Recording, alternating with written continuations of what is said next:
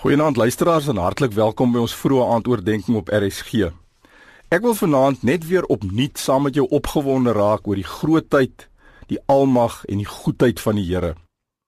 Vanuit ons verwysingsraamwerk is alles rondom die persoon Jesus en sy bediening toe op aarde was bonatuurlik.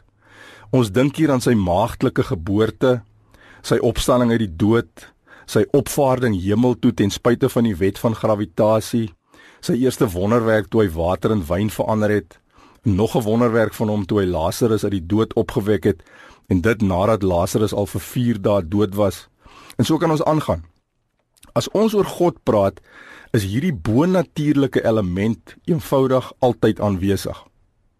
Nou ons vorm dikwels in ons gedagtes vir ons 'n God wat inpas by 'n verwysingsraamwerk wat vir ons logies is en waarmee ons gemaklik voel. Maar ons moet dit net nooit doen as dit ons persepsie van God se grootheid en almag afskaal nie. Sommige al in Genesis 1 leer ons God ken as Skepper en hy skep bloot deur te spreek. In Genesis 1 vers 6 sê hy: Laat daar 'n uitspansel wees tussen die waters en laat dit skeiding maak tussen waters en waters. So bloot deur sy gesproke woord het God die wolke in die lug en die waters in die oseane van mekaar geskei. Nou in gedagte dat water 773 keer die massa van lig het en dat daar 'n geskatte 54 en 'n half triljoen ton wolke in die lug bo die aarde is. Dit wys vir ons hoe kragtig God en sy gesproke woord is.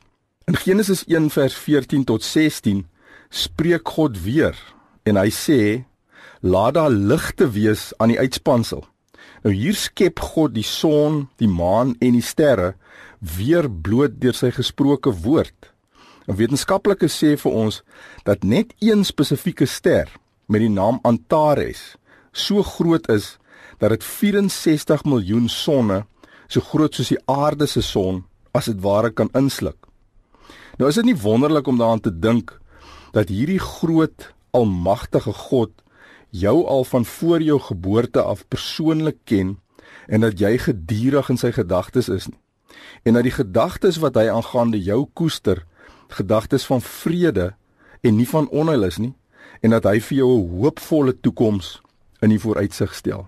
Vader, dankie vir u grootheid en u almag en dankie dat u vir elkeen van u kinders 'n hoopvolle toekoms in die vooruitsig stel. Amen.